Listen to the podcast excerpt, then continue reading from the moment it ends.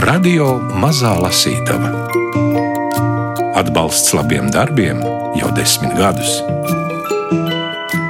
Borisa un Ināras Tetereva fonds. Jūs droši vien atceraties filmu Angļu pacients, Oskaroto filmu ar Ralfu Fainsu, Žilietu Binošu un Kristīnu Skotu Tomasu galvenajās lomās. Romantisko kara drāmu, kuras sākas, kad otrā pasaules kara beigās jauna medmāsa sāk aprūpēt lidmašīnu savārijā cietušo. Iespējams, mazāk zināms, ka filmas pamatā ir Maikla un Datjas romāns Angļu pacients, kurš ieguvis Brukera balvu. Tieši šis Šrilankā dzimušais un Kanādā pašlaik dzīvojošais rakstnieks šodien būs mūsu uzmanības centrā. Latviešu valodā iznācis viņa romāns Ēnas pār Tēmzu, no angļu valodas tulkojas Māra Poļakova, kā grāmata nonākusi līdz izdošanai latviešu valodā. Man liekas, es viņu nopirku Tiklīdz viņi ienāca, iznāca uh, oriģinālā papīra vāciņos, es sagaidīju, ka būs lētāks izdevums, nopirku, izlasīju. Un dažas dienas man liekas, pēc tam, kad biju beigusi lasīt, nu, varbūt nedēļa, divas, neatceros.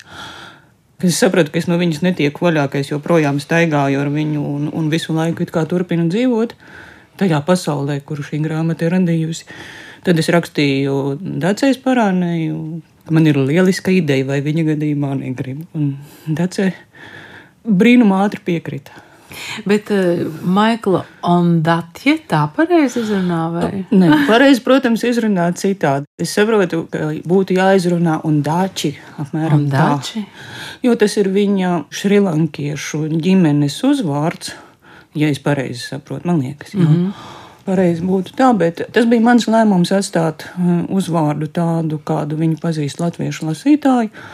Jo ir iznācīja angļu pacients pirms pietiekami daudziem gadiem. Nav tā, ka autors būtu nezināms. Man liekas, ka būtu mazāks grēks turpināt saukt viņu latviešu līdzšinējā uzvārdā, katru reizi paskaidrojot, ka patiesībā ir citādi nekā ieviest divus rakstniekus. Bet droši vien, ka mums viņš ir um, vislabāk pazīstams jau no filmas Angļu pacients. Es domāju, ka jā, jo filma taču ir neaizmirstama, vai mm. ne? Tur tie kadri man joprojām ir acu priekšā. Jā, jā, tieši tā. Faktiski arī filma ir tādas atskaņas par karu.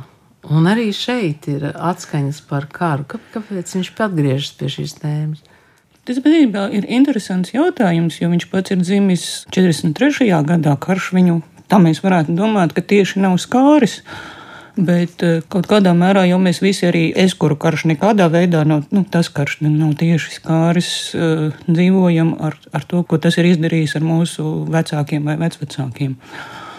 Viens, viens no teikumiem šajā grāmatā, kas, nu, ko es arī nespēju aizmirst, ir, pagātne nekad nepaliek pagātnē.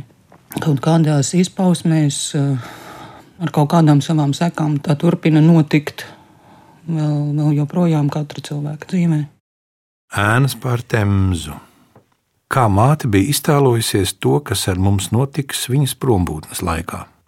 Vai viņa domāja, ka mūsu dzīvē būs, kā tolaik iecienītajā Vestendas izrādē, brīnišķīgais kraitons, uz kuru viņa mūs bija aizvedusi pirmajā teātris izrādē, ko mēs redzējām?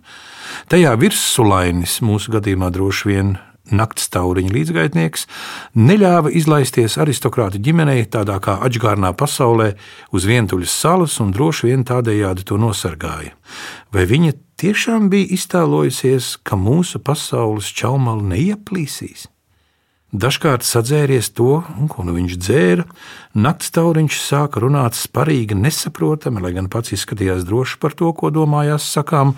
Arī tad, ja sacītajā dažs labs palīgteikums neturējās līdzi iepriekšējā teikuma maršrutam. Kādu vakaru, kad Reičela nespēja aizmigt, viņš izvilka no mātes plaukta grāmatu, kuras nosaukums bija Zelta kauss, un sāka lasīt mums priekšā.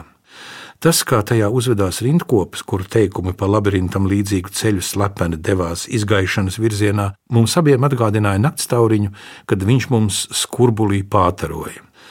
Likās, valoda būtu galanti aizvesta prom no viņa ķermeņa.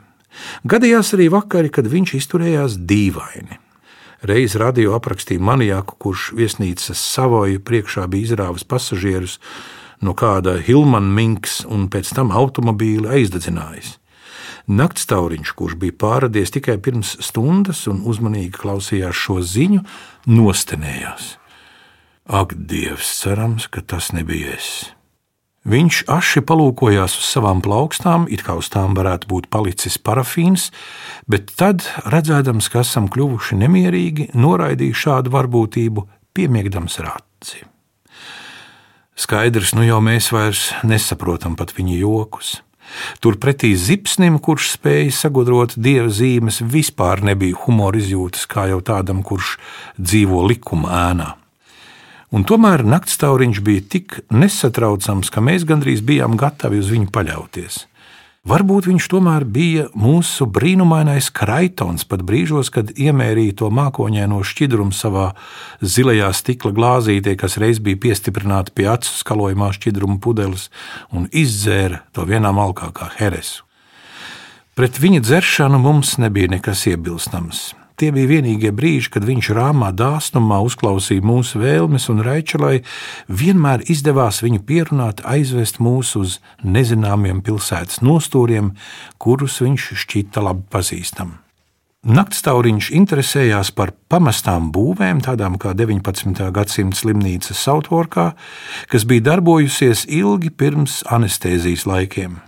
Viņš kaut kā pamanījās mūs ievest iekšā, ieslēdz nātrija lampas un uz tumšo operāciju zāles sienu fona drebēja gaiši loki. Viņam Londonā bija zināmas tik daudzas neizmantotas vietas, kurās lāktīja 19. gadsimta gaisma. Tās tinās tumsā un šķita vēstām mums ļaunu. Nu es sev jautāju, vai ne šajos puskrēslā aizritējušajos vakaros tapa Reičeles vēlākā teātra dzīve. Viņa noteikti bija nomanījusi, kā to, kas dzīvē ir neiederīgs vai bīstams, var aptumšot un padarīt neredzamu vai vismaz tālu. Man liekas, tieši iepratusies rīkoties ar rampas ugunīm un izdomātu pērkonu, mana māsa nonāca pie skaidrības par to, kas ir īsts un kas neīsts, kur drošība un kur briesmas. It kā uh, mēs sākam to lasīt kā Natāņēlu stāstu, Pirmā daļa ir tas, ko viņš pieredz, lūk, būdams pusaudzis, kā viņš redz un uztver to, kas ar viņu notiek. Jā, tieši tā. Un, bet otrā daļa ir eh, viņa mēģinājumi saprast, kas tad īsti ir ar viņu noticis lūk, tajā posmā, par ko mēs tikko lasījām pirmajā daļā. Ja? Un tieši tas mani kaut kā savaldzināja vai apbūra visvairāk. Tas, kā rakstnieks parāda tos pieaugušā cilvēka pūliņus saprast, ko īsti viņš ir piedzīvojis. Un to, kā viņš atklāja, ka tas, ko viņš ir uzskatījis par notikumiem savā dzīvē, patiesībā ir bijis kaut kas pilnīgi cits, ka tie ir bijuši notikumi citu dzīvē īstenībā. Jā, tā noslēpumainā temza un tur uh, braukšana zem tiltiem, tas nesarežģīja dzīvi tulkotājiem. Tulkotājiem tas dzīvi ārkārtīgi sarežģīta. Eh, viens, es negribu teikt, ka viss grūtākais mans, mans darbs, lai gan nu, tā varētu arī būt, bet katrā ziņā viens no grūtākajiem. Jo valoda ir tik ārkārtīgi smalka un skaista. Un tik neparasta kaut kādā ziņā. Eh, tas, ko latviešu lasītāji iespējams nezina, un daķi, un dači, ir dzinieks. Viņam ir iznākušas, ja man atmiņa nebija 11 dzīslas, dzīslas krājumi.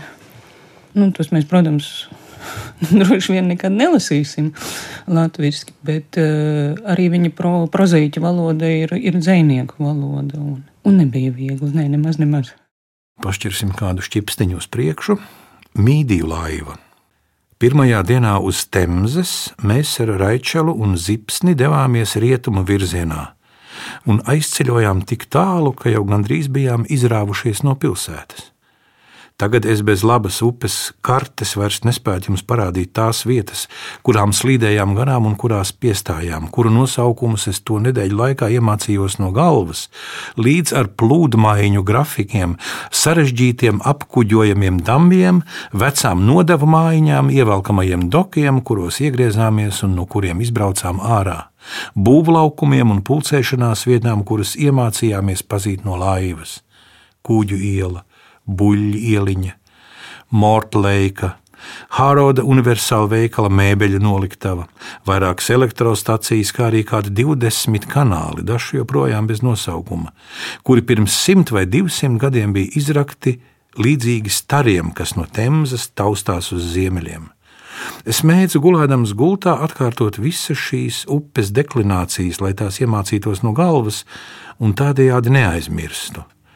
joprojām neesmu aizmirsis. Tās skanēja kā Anglijas karaļu vārdi, un manās acīs kļuva aizraujošākas par futbola komandām un matemātikas tabulām. Dažkārt mēs devāmies uz austrumiem, pat tālāk par Vulidžu un Bārkingu, un arī tumsā spējām noteikt mūsu atrašanās vietu tikai pēc upes skaņām un plūdmaiņa vilkmes. Aiz Bārkingas bija Kaspijas piestātne, Īritas halze, Tilberijas šaurums, Lejas cerības halze, Blaitas smiltis, Greinsala, Grīva un tad jūra.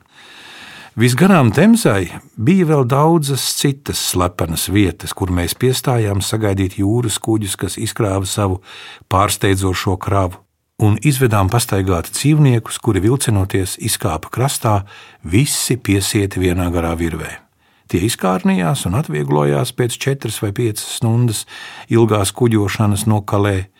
Tad mēs tos ievilinājām mūsu mīdiju laivā vēl vienam neilgam kuģojumam, un, kad tas bija galā, devām cilvēkiem, kurus redzējām pavisam īsu brīdi un kuru vārdus tā arī neuzzinājām. Mūsu piedalīšanās upes darbos bija sākusies kādā pēcpusdienā, kad zipsnis bija dzirdējis mūsu sarunājamies par nedēļas nogali.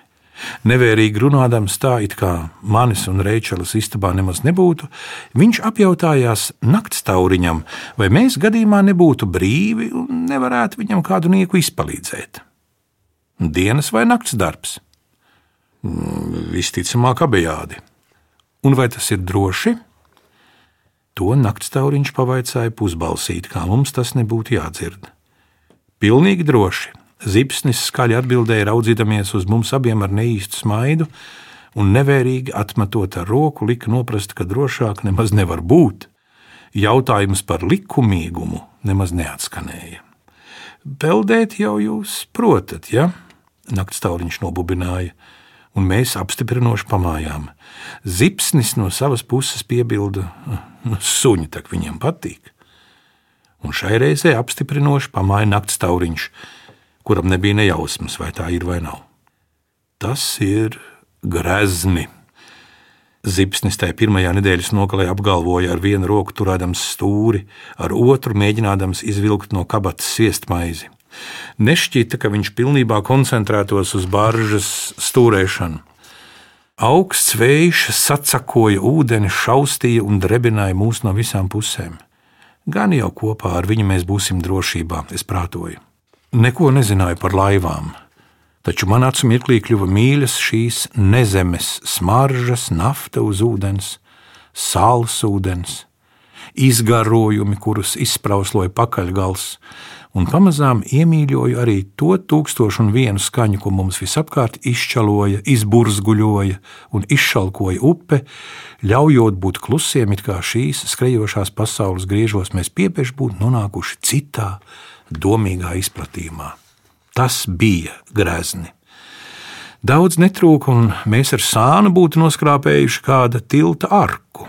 Zipsnis tikai pēdējā brīdī atliecās nost, kā šādi varētu likt laivai darīt tāpat. Tad gandrīz sadūrāmies ar airētāju četrotni, kas palika mūsu ķīļūdenī, cīkstāmies ar viļņiem. Mēs dzirdējām viņu blaustīšanos un redzējām, kā zipsnis tikai plašā žestā atmet ar roku, it kā tas būtu liktenis, nevis piemēram stūrmaņa vaina. Tai pievakarē mēs no rāmas baržas pie baznīcas prāmja kāpnēm saņēmām 20 kurtus un klusi nogādājām tos uz citu vietu leitecē.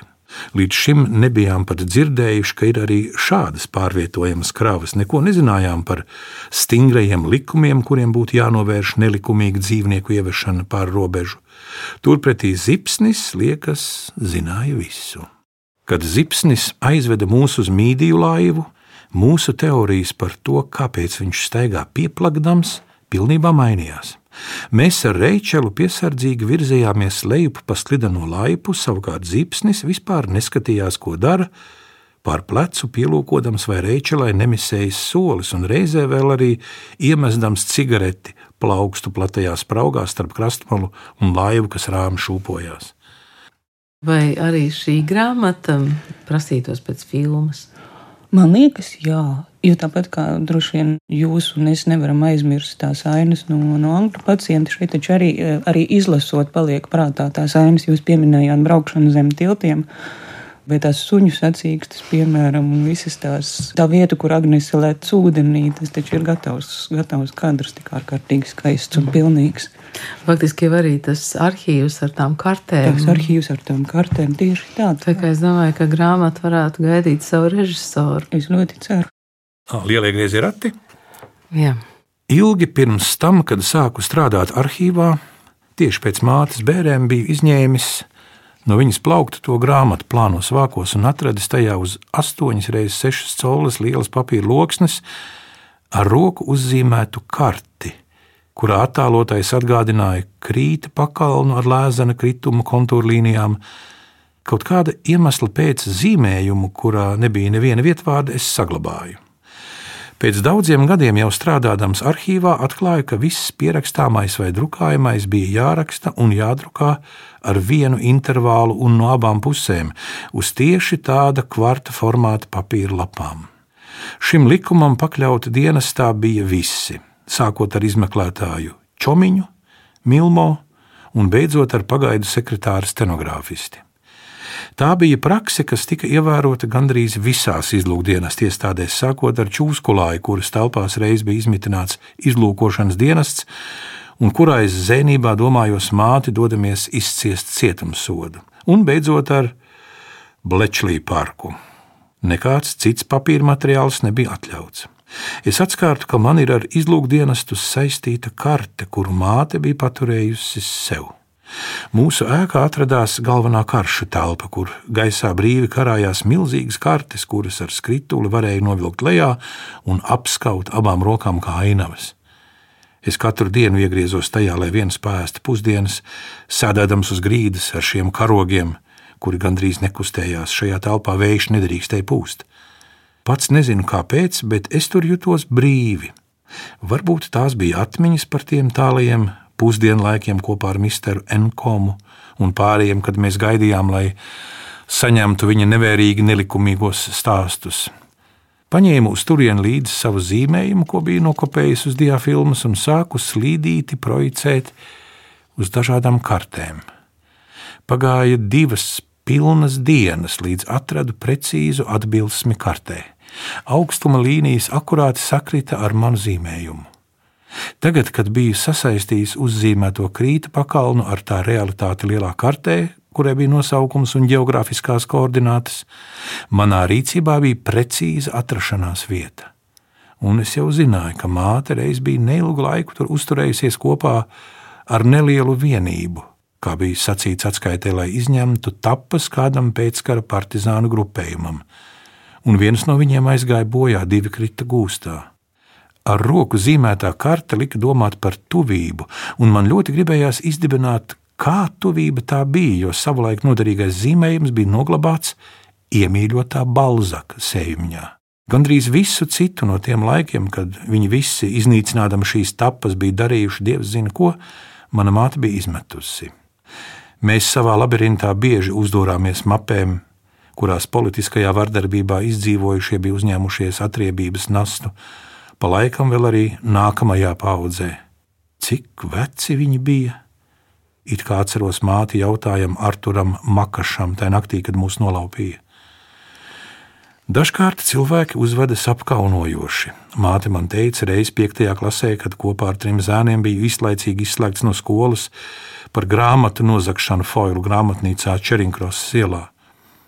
Tagad, pēc šiem daudzajiem gadiem, lasīdams fragmentus par ko tādu, kas nepārprotami bija citās valstīs īstenotas nedzirdamas politiskas slepkavības, es biju šausmās ne tikai par to, ko māte darījusi, bet arī par to, ka manu zādzību viņa bija ieskaitījusi līdzīgā kategorijā.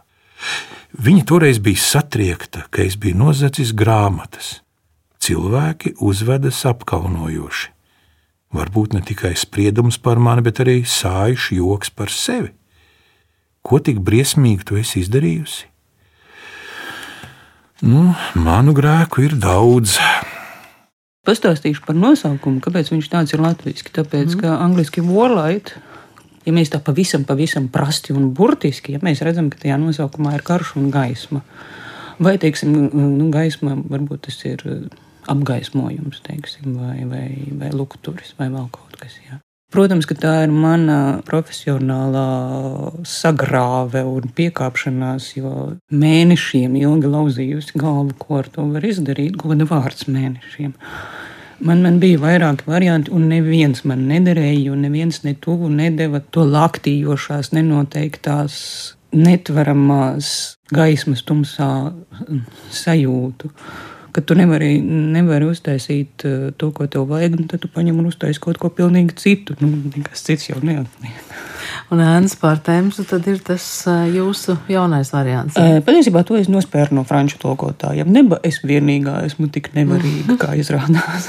Tas patiesībā, tas, tas Warlight, protams, e, ir, ir jaunvārds, e, arī, arī, arī rakstnieks viņu ir izdomājis, un, un tad izrādās, ka tieši tādu vārdu angļu valodā ir trūcis, ja tas apzīmē tieši to, ko vajadzēja šajā gadījumā. Vācieši, vāciešiem ir izdevies, es nezinu, cik labi tas strādā vāciski, bet vācu tulkojums saucas krīgs lišķi. Un, tad e, diezgan precīzi. Tas ir, tas ir precīzi, jā. Es, es nezinu, man, man, man valodas izjūta nesaka priekšā, cik tas ir labi, bet, bet latviski neviena kombinācija no kara un nekādiem gaismas veidiem paveidiem un paveidiem nestrādāja. Mm -hmm.